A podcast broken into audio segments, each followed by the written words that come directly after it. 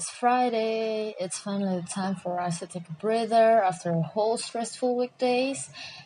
Uh, but, however, for some people, stressful days are not restricted to weekdays only because it happens anytime, anywhere. And in today's episode, I'm gonna share some stories of my recent stressful days, how I dealt with it, and also, of course, some stories from my only friends. Stay tuned.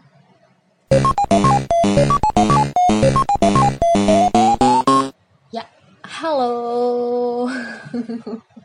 Agak excited gimana gitu gue. Uh, karena udah dua bulan ya, dua bulan apa dua bulan lebih nih gue nggak upload podcast. oh my god, I miss recording podcast. Uh, yeah, it's a sad truth for me. Uh, but the reason why I took a quite long time for me to finally record and upload a podcast again uh, is because of the stressful days I went through for a whole month, which is November. Um, ya pokoknya gue kayak sempat stres banget gitulah bulan November penuh gitu sebulan penuh.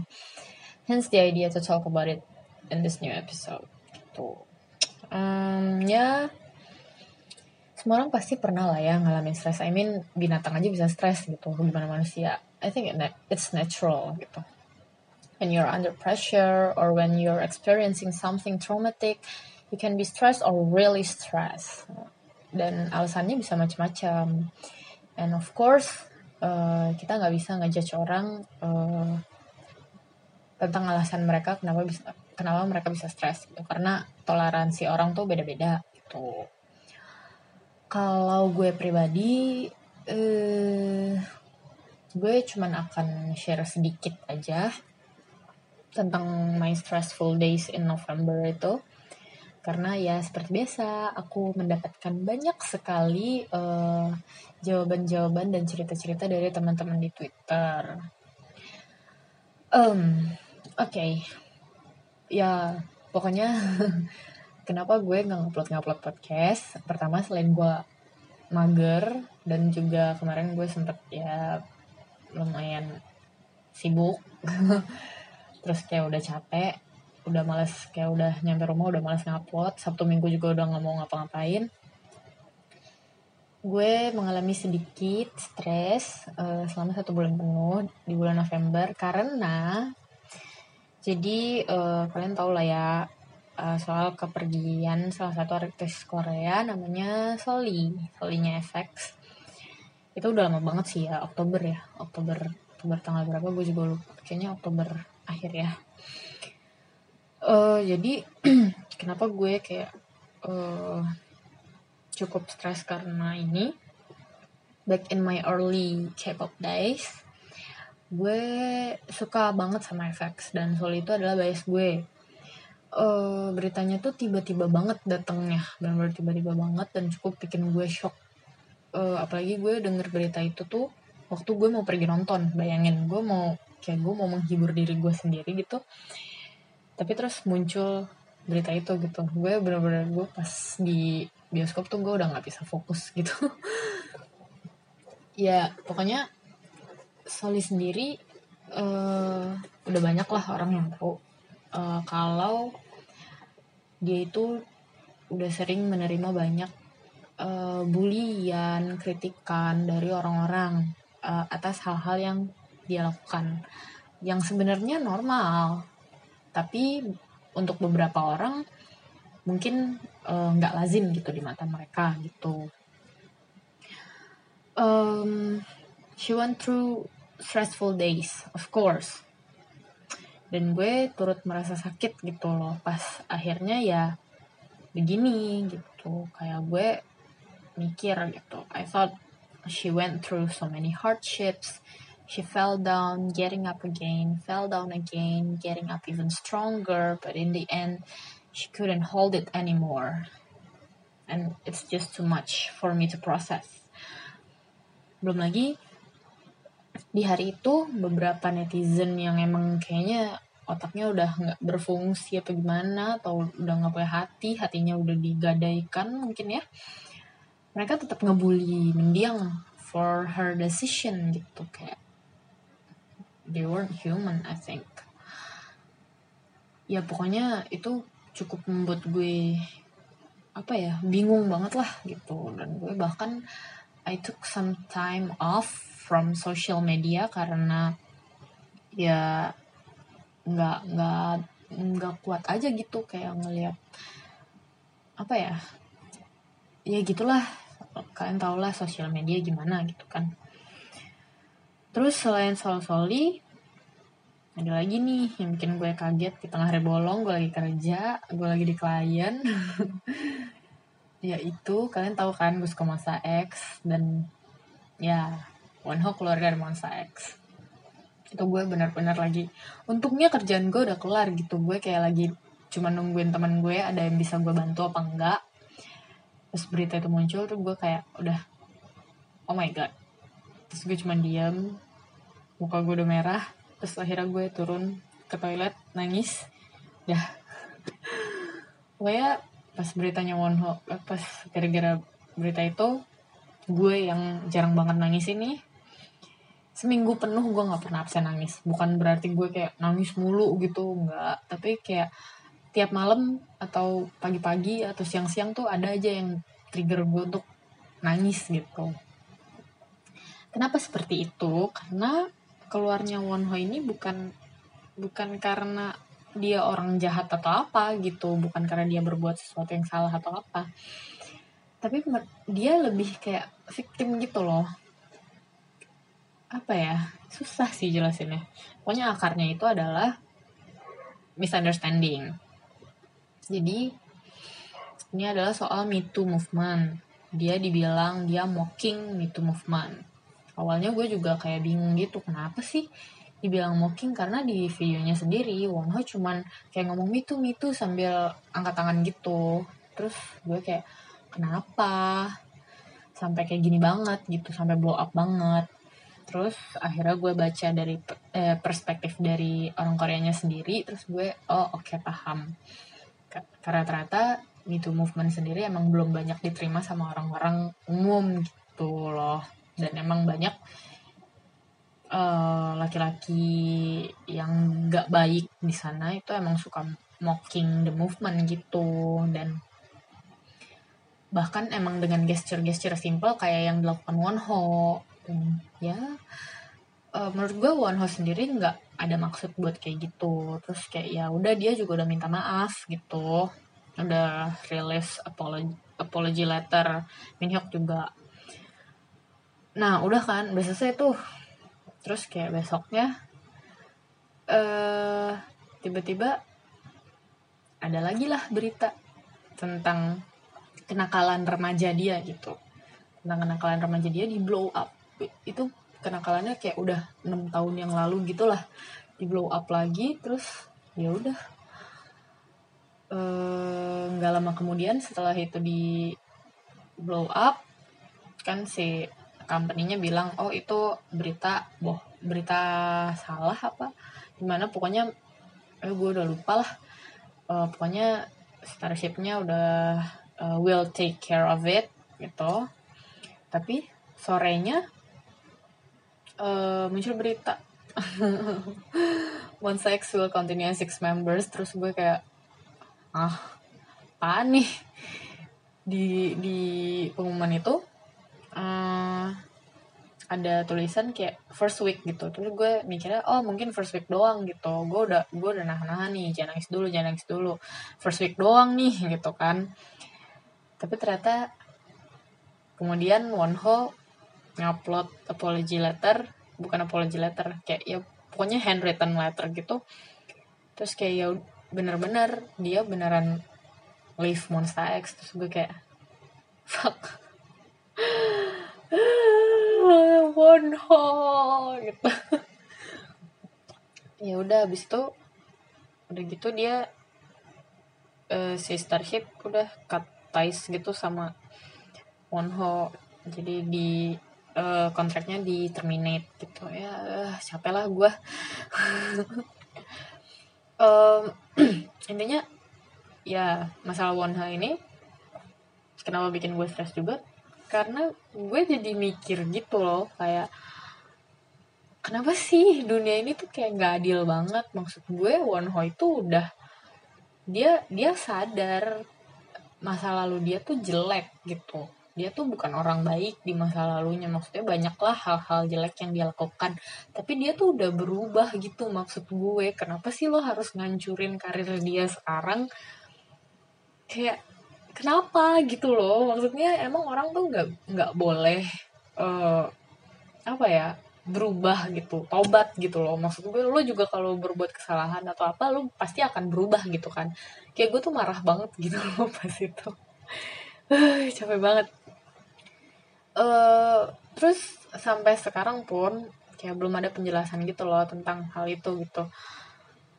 Dan bener-bener gue tuh nggak ngerti kenapa sam sampai mesti keluar gitu. Sa kayak kenapa Wonho tuh mikir oh gue mesti keluar nih gitu dari Monster X.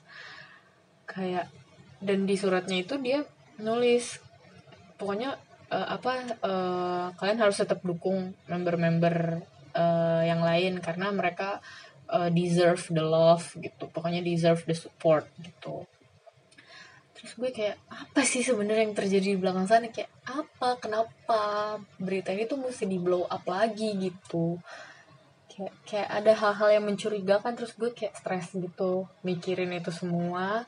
Terus gue kayak nggak terima orang yang udah belajar dari kesalahannya terus diginin lagi tuh gue kayak aduh kesel banget deh pokoknya. Kayak gue tau lah showbiz life tuh emang keras banget tapi kayak ini tuh mungkin banget loh kejadian di hidup kita.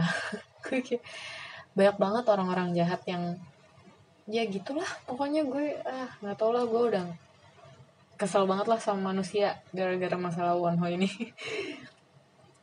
Terus kayak ya udah gara-gara itu semua gue makin banyak berpikir Ya kayak tadi lah, I was full of worries and hatred because of the way some human behave and become a little stressed because of that. So a month ago, kayak bulan November, November tengah, apa ya lupa lah gue.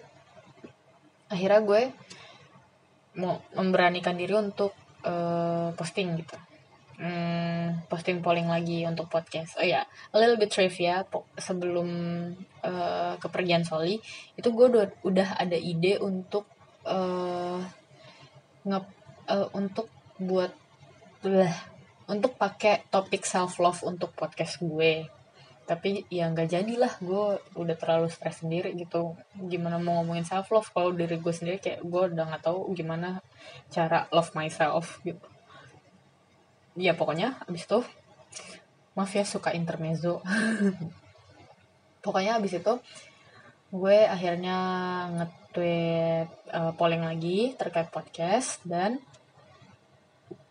polling pertama adalah apakah lo termasuk orang yang gampang stres? Uh, 89% jawabannya tuh iya and that means the world is kind of fucked up right What a conclusion. Kayak 89 orang 89% orang itu gampang stres. A fucked up world. nah, terus gue perdalam perdalam lagi nih, apa sih alasannya lo bisa stres? Ada dua jawaban yang memimpin, yakni school and work life sama social life. Of course, it's so stressful out there. Terus uh, selain hal yang gue sebutkan di atas nih, yang tadi yang gue sebutkan di atas, selain hal yang gue sebutkan tadi, yang masalah Sally sama Wonho, the job is actually the main character of my stressful days. Kayaknya nggak bisa bohong lah, gue juga stres lah mikirin kerjaan gue. Dan mungkin teman-teman gue di Instagram juga sering waktu di bulan itu deh kayaknya gue banyak ngepost tentang apa ya some depressed letter or something kayak gue udah capek banget lah gini gitu gini gitu. Itu gue juga karena mikirin kerjaan gue gitu. Terus um, social life ya yang gue bilang tadi lah ya orang tuh ada macam-macam dan gak sedikit yang bisa jahat banget sama lo. Terus uh, polling yang terakhir adalah how do you deal with them the first thing you do when you get stressed 50% orang menjawab kalau mereka akan mencari distraksi kayak nyari hal lain yang bisa mereka lakukan supaya mereka lupa gitu kalau mereka lagi banyak pikiran atau lagi stres gitu. Sisanya akan vent out semacam kayak marah-marah atau nangis-nangis segala macam gitu. Atau tidur because sleep is a solution of everything. Don't you tell me that it wasn't meant to be. Call it quits, call it destiny. Just because it won't come easily doesn't mean we shouldn't try.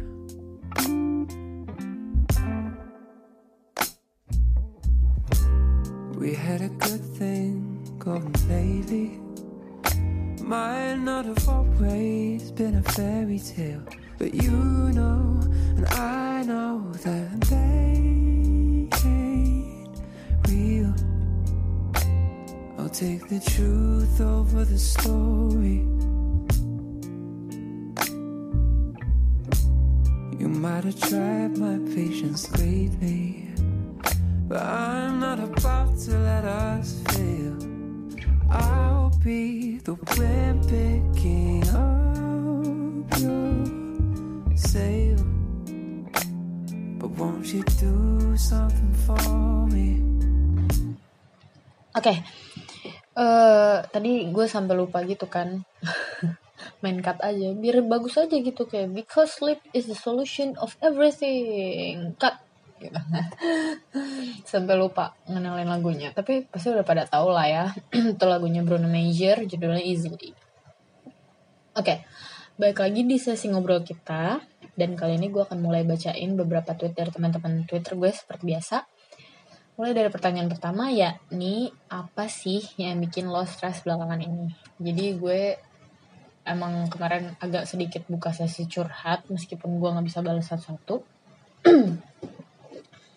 dan kemarin ada orang-orang yang sempat bilang kayak thank you ya uh, udah kasih media buat gue venting out atau segala macam kayak sama-sama. Mungkin gue akan bacain semua tapi nggak tahu. Sebenarnya banyak sih ini. Oke pertama dari Al. Lagi agak kagok between work and thesis. Jadi lumayan stres karena dua-duanya sama-sama penting dan gak mau ngegampangin salah satu yakin 100% sih akan melewati ini semua cuman ya stres aja hehe. Bener. Gue cukup salut sama orang-orang yang bisa juggling between two important things gitu. Kayak thesis work. Dua-duanya require a lot of thinking process gitu kan. Terus kayak lo pasti pusing lah pada suatu hari atau di suatu masa meskipun lo enjoy dua-duanya tuh pada akhirnya lo akan kayak aduh apa sih ini? Gue capek gitu kan. Salut sih sama kalian semua yang lagi ngerjain tesis yang ngerjain skripsi sambil magang sambil kerja.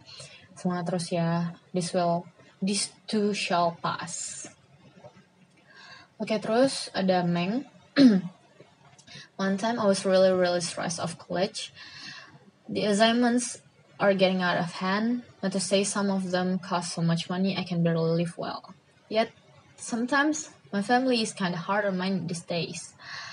That makes me sad so much much much more because my parents for certain work much much harder for me to, in order to live far from them.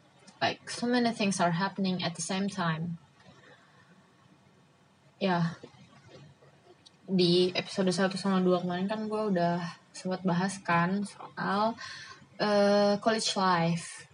Dan ya yeah, it's indeed stressful gitu kayak apalagi kalau misalnya lo lagi apa ya lagi di masa di mana lo uh, demotivated gitu.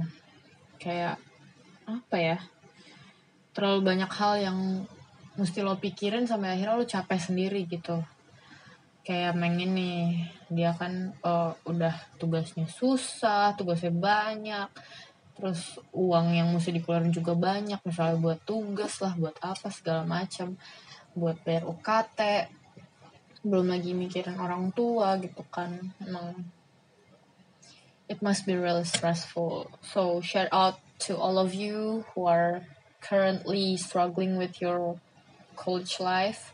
Semangat terus too shall pass kuliah pasti selesai pasti selesai tapi don't push yourself ya semangat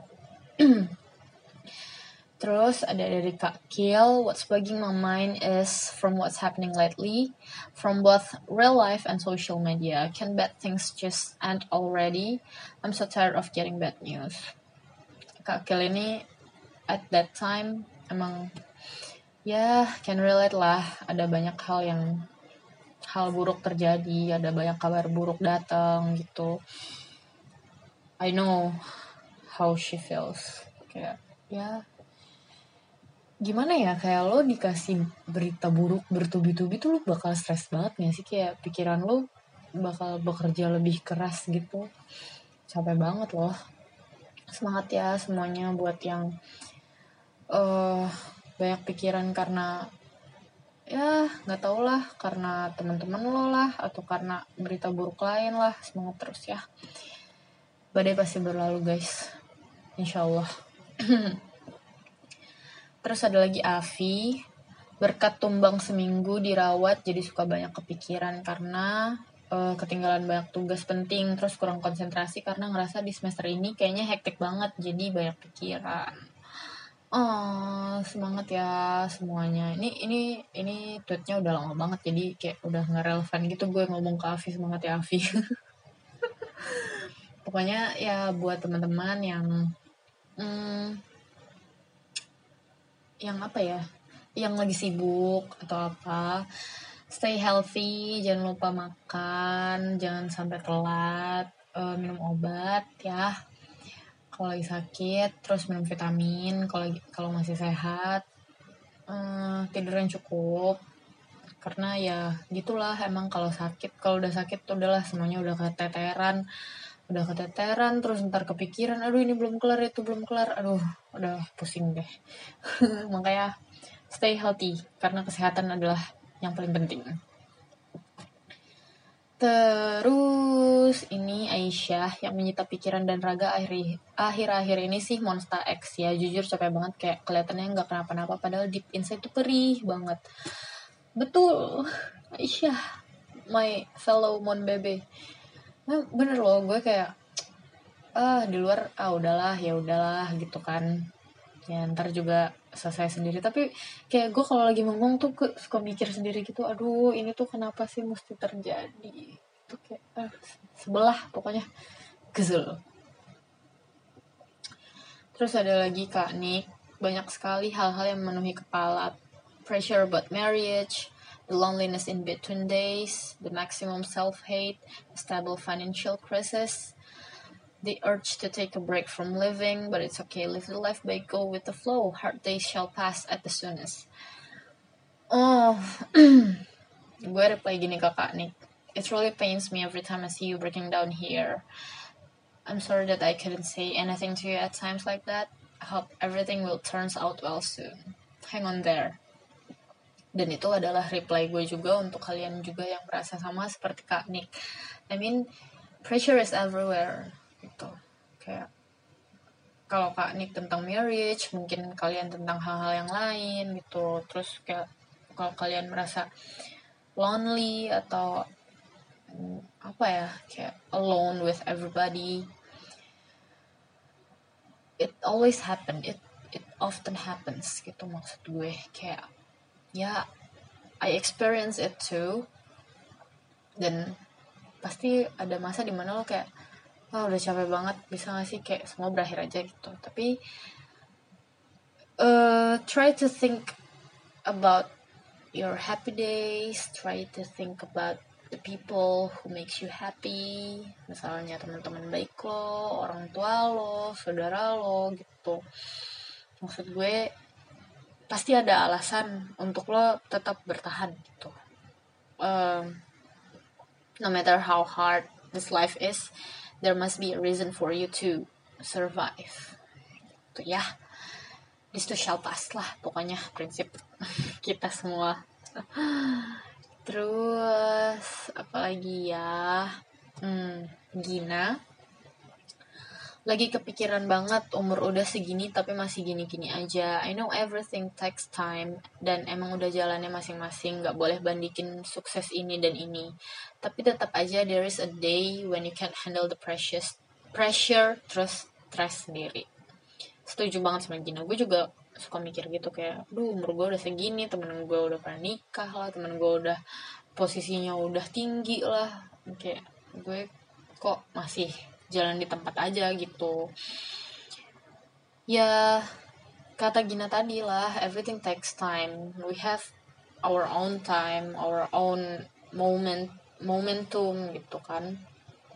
Ya gue cuman mikir gitu aja sih kalau udah mulai uh, pikiran gue udah mulai dioccupy sama pikiran-pikiran kayak gitu kayak nggak apa nggak apa-apa. Lo mungkin ini emang saatnya lo untuk belajar lebih makanya lo uh, telat sedikit dari orang lain.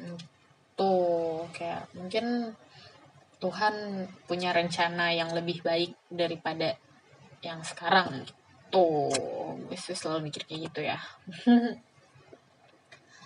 Terus ada lagi Karisti deg-degan kalau deg-degan dan stres kalau hasil penelitian gak sesuai sama literatur. Deg-degan banget takut bikin kecewa ibu bapak. Kalau lulusnya diundur lagi takut nggak keburu gue harus lulus semester ini nggak mau nyusahin mereka lagi. Kenapa sih teman-teman gue digampangin banget jalan lulusnya? Kenapa gue sesusah ini? Hmm. Uh, ya. Aduh gue sampai bingung mau ngomong apa. Uh, pasti pasti ada sih uh, saat-saat di mana lo merasa seperti itu. Kayak kenapa sih gue sial banget? Kenapa sih semua orang gampang jalan hidupnya tapi gue tuh kayak sulit banget. Gue selalu berpikir begini. Oh uh, ujian itu selalu datang ke orang-orang yang baik. Cie gue selalu mikir kayak gitu. Oh mungkin gue uh, diuji karena uh, karena Allah mau bikin gue lebih kuat lagi gitu. Gue selalu mikir gitu sih. Tapi ya ya of course lah tetap stres gitu maksud gue tapi ya kurang lebih gitulah cara gue menghipnotis diri gue sendiri ketika gue berpikir seperti itu gitu pokoknya gue gue waktu itu reply ke Karisti seperti ini di balik kesulitan pasti ada kemudahan. Insya Allah setelah bersusah-susah selama penyusunan tesis, nantinya akan datang hal-hal yang lebih baik dan lebih besar lagi. Gitu. Jadi kayak ya udahlah, try to think positive gitu. Meskipun gue mah jujur-jujur aja gue anaknya negatif banget lah pikirannya. Tapi kayak berpikir terlalu negatif tuh bikin gue capek gitu loh. Kayak ah ya udahlah. Gimana kalau kita berpikir yang baik-baik aja? Terus uh, apalagi ya? Yang lain sebenarnya kurang lebih mirip sih. Uh, tesis work emang emang bikin stres banget ya dua hal itu. Tesis and work. Kesel deh gue kadang. Kesel tapi that's life lah. Kayak ya udah kalau lo datar doang hidupnya nggak lo nggak akan belajar gitu loh maksudnya. Tapi ya jangan bikin stres dong capek. Oke okay, kita move on ke pertanyaan kedua aja kali ya karena yang lainnya kurang lebih mirip. Pertanyaan kedua itu uh, gimana sih cara kalian ngilangin stresnya? How to distress gitu. Uh, ngapain aja gitulah pokoknya. Kalau gue nih ya kalau gue gue kalau di kalau lagi stres gue cuman kalau stresnya stres banget yang sampai gue sesek banget biasanya gue nangis. Gue pasti nangis it will really it will make you feel better gitu. Karena lo kayak ngeluarin semua unek-unek lo gitu kayak berat berat berat berat berat. Gitu. terus kayak udah selesai. Uh, terus kalau misalnya kayak yang light stress uh, biasanya gue tidur pasti. Karena sleep is a solution for everything atau denger lagu teriak-teriak dengerin lagu atau lagi uh, nontonin video-video lucu. Tuh nontonin video bayi gitu gitulah segala macem. Yang gue bacain ya ini mah gue bacain semua aja lah ya karena pendek-pendek. Ada yang watching my favorite boys video terus watching old variety shows listening to my playlist on Spotify. Tidur tuh kan tidur. Abis itu nonton video-videonya Lavender sama Meaningful Minimal dan video-video sejenisnya. Wah video apa tuh? Gue nanti cek ah. Siapa tahu lucu. Eh lucu. Siapa tuh bagus. Terus nonton video ucing di YouTube. Ah suka banget nonton video ucing. Uh, apalagi ini Cream Heroes gitu kan lucu banget gila kucing tuh kenapa sih uh sayang kucing dan rebahan seharian of course terus uh, kalau kata Marin when it feels a little too hard nothing can help I just slept earlier earlier last night. Maybe that's it. Itu kan. Ya kan, tidur is the solution of everything. Terus setelah lagu keras-keras, baca novel yang kepingin banget dibaca, atau nonton video kucing, or anything unrelated with your stress. Terus uh, ada juga nih yang ngasih ide kalau ada spare time go volunteering or social working terus oh, kalau nggak punya waktu coba meditasi terus nulis-nulis positive words terus kayak say it to yourself like a self talk it's a nice idea. Should try. Terus ada juga nih dari Asti. Akhir-akhir ini suka nonton vlog yang isinya kayak home tour atau dekor date vlog daily vlog daily life vlog cafe vlog stationery props, haul vlog, hmm, atau main sama kucing gue. Ya, uh, gue suka banget ya nonton ini uh, video home cafe. Itu tuh kayak calming banget gitu loh maksud gue. When you listen to the sound of water pouring into the glass, kayak itu calming banget gila. Terus apalagi kalau videonya tuh estetik gitu, aduh, udahlah hilang lah stres gue. terus nonton video lucu pesan makanan yang kusuka tuh ya makan sih bener bener bener bener. Makan makanan manis gitu kan. Ih emang paling enak makan makanan manis. Apalagi ya uh, selain yang itu? Ya gue ya itu tadi gue nangis gue tidur nonton home cafe dengerin lagu nonton MV nontonin crack videos. Ya kan K-pop kan banyak crack videos gitu kan itu gue nontonin itu terus ketawa-ketawa ngakak ya dan berharap semua stres gue hilang oke okay. uh, eh, gue cut di sini kali ya uh -uh, gue cut di sini uh, kita dengan lagu lagi uh, sekarang dari Mac Ayres judulnya Easy. Happy listening.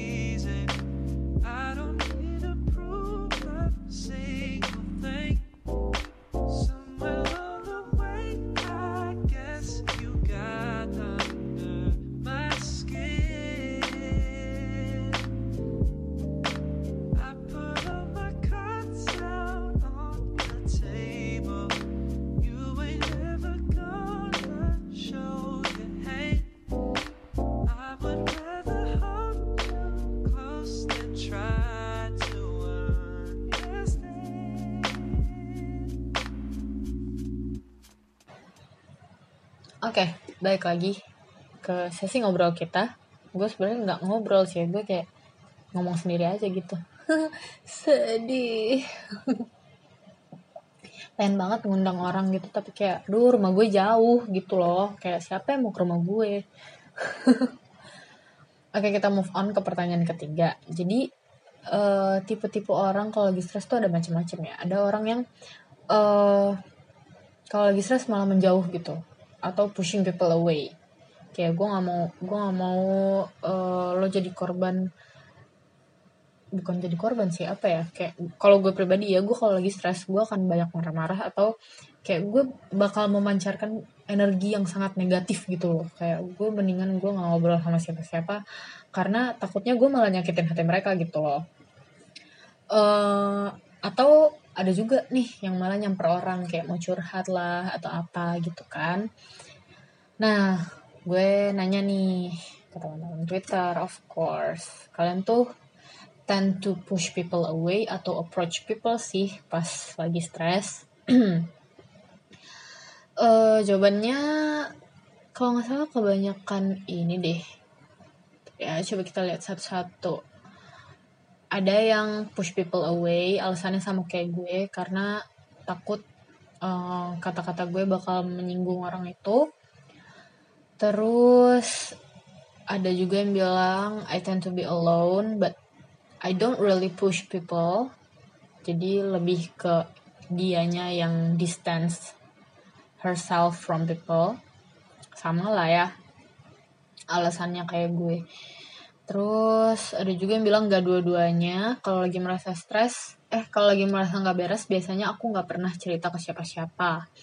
Kecuali kebetulan lagi ngobrol sama teman, terus aku pengen cerita, ya udah cerita. Nggak pernah secara khusus cerita ke teman kalau lagi merasa nggak beres. Oke oke oke. Ngerti ngerti ngerti.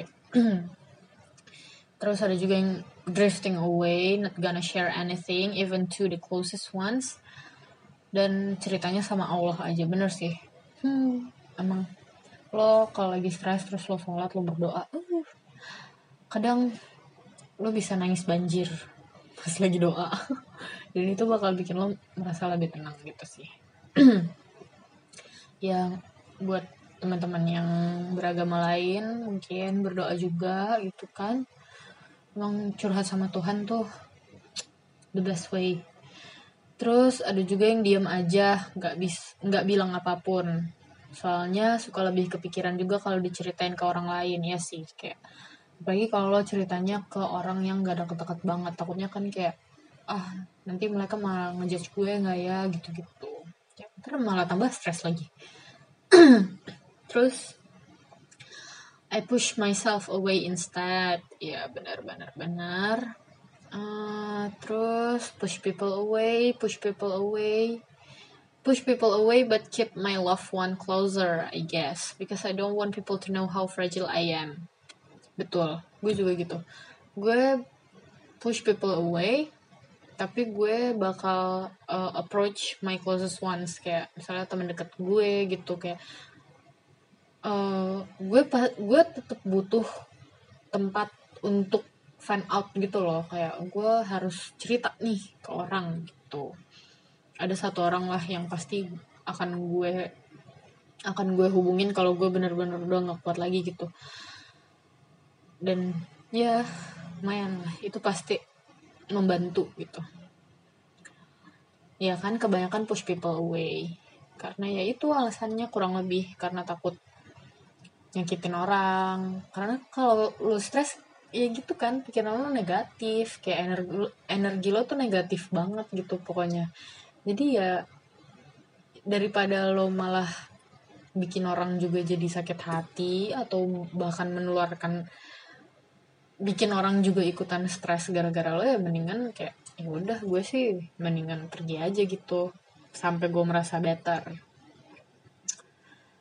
Terus pertanyaan keempat adalah em, jadi gini kadang ketika lo approach orang nih jadi lo stres nih terus lo approach orang pengen cerita nih aduh gue stres nih gini gini gini. Some people would try to invalidate it kayak ya elah gitu doang stres ya elah payah lo. Yalah yang kuat kali gitu.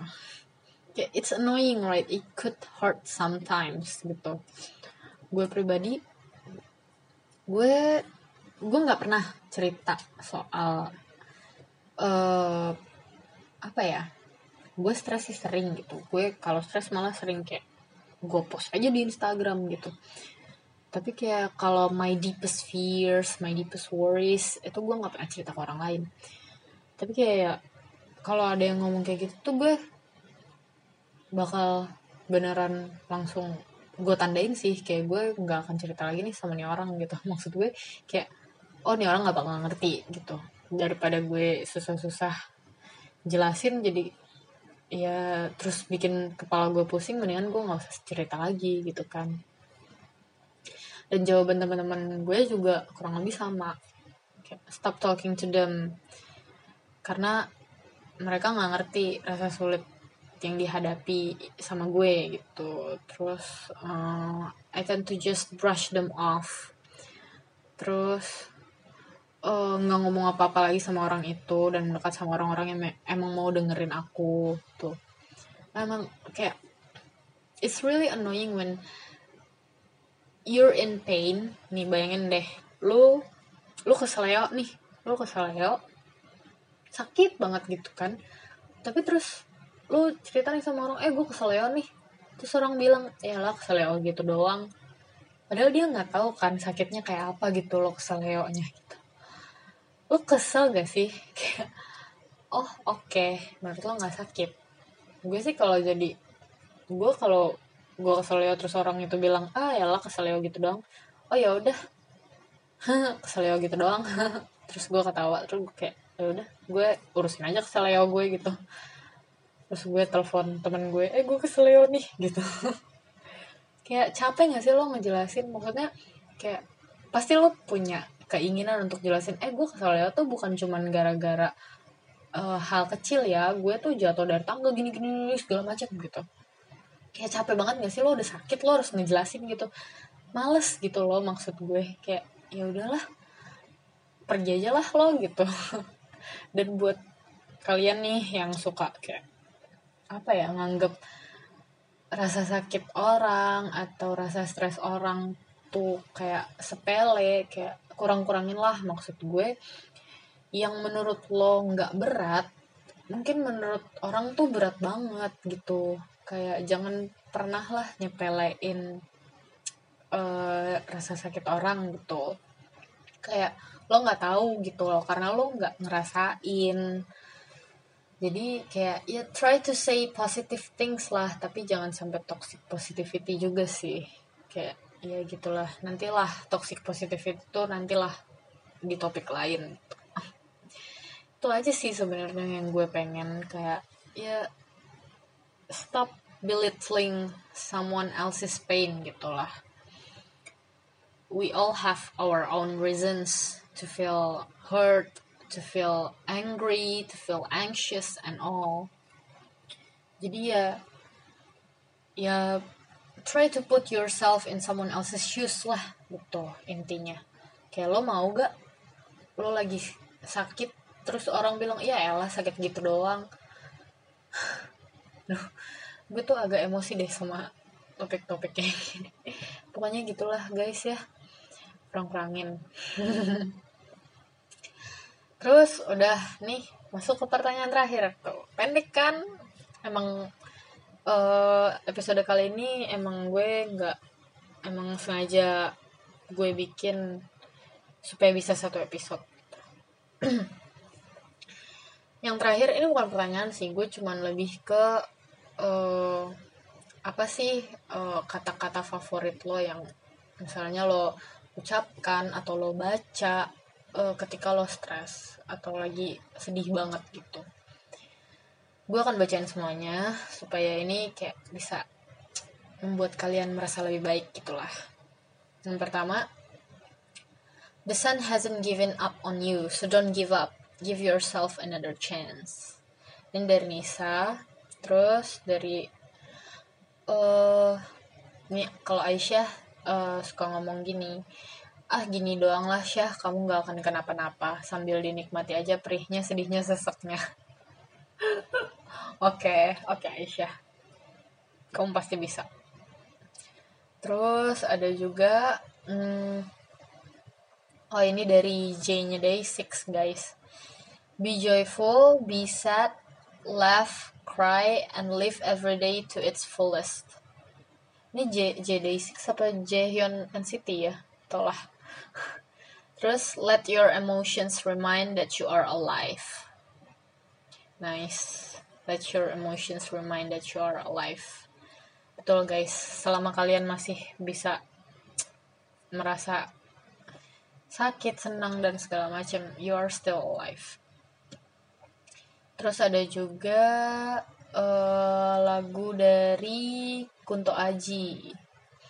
Cukupkanlah ingatanmu, relakanlah yang tak seharusnya untukmu. Tenangkan hati, semua ini bukan salahmu, terus berlari yang kau takutkan tak akan terjadi. Ah, bagus banget. Terus eh ini lumayan. What doesn't kill me makes me stronger. Nothing can kill my flame. Ooh, love that spirit astik. Ya gitulah guys. Sesi kita kali ini. Tadi kan eh pokoknya intinya gue cuma mau ber cuma mau berpesan pokoknya eh there will always be eh, dark days. Hari-hari di mana lo merasa kayak ya kenapa kayak mempertanyakan semua hal gitu. Kenapa sih gue eh, masih di sini sini aja? Atau kenapa sih gue harus hidup kayak gini? Kenapa sih kenapa sih Ap- ya segala macam kenapa yang muncul di kepala lo lah.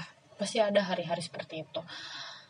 Dan hari-hari di mana lo kayak aduh apa gunanya sih gue hidup? Gitu. Apa gunanya sih gue masih aja berusaha? Gitu. Try to try to gather all the positive memories. Kayak misalnya hal-hal terkecil yang bikin lo senang misalnya eh, apa ya eh, perasaan perasaan lo ketika makan es krim favorit lo atau perasaan lo ketika lo bertemu sama eh, gebetan lo atau perasaan lo ketika lo lihat nyokap lo tersenyum bokap lo tersenyum gitu. Kayak there are always apa ya selalu ada alasan lah untuk lo eh untuk lo tetap bertahan dan eh, melewati semua hal-hal berat ini gitu. Kayak you can do this. This too shall pass. Em, aduh gue tuh sebenarnya nggak pinter sih menyemangati orang karena gue sendiri suka bingung juga nyemangatin diri sendiri kalau lagi jatuh. Tapi ya kurang lebih gitulah. Kayak eh ada banyak ini adalah hal yang paling paling sering gue bilangin ke temen gue yang lagi sedih kayak ada banyak orang yang nungguin lo. Ada banyak orang yang nungguin lo untuk ketemu lo di keesokan harinya jadi jangan menyerah lah gitu. Gue paling suka eh, ngomong gitu ke teman-teman gue dan gue selalu menanamkan itu di diri gue gitu. Kayak ketika gue udah capek banget udah terlalu banyak pikiran terus kayak udah mikir aduh bisa gak sih? Gue kayak pergi aja gitu. Biar gue nggak menghadapi semua ini lagi. Tapi habis itu gue selalu mikir oh ada yang nungguin gue nih. Ada bokap nyokap gue ada adik gue ada teman-teman gue yang bener-bener eh, sincere segala macam gitu. Itu aja sih sebenarnya. Kayak lo pasti bisa lah melewati semua ini. Kayak hari-hari sulit tuh pasti ada tapi lo pasti bisa ngelewatin itu semua oke. Semangat terus. Kita ketemu lagi di episode berikutnya. Gue nggak tahu kapan karena gue harus mikir dulu topiknya apa. Eh, udah itu aja. Bye bye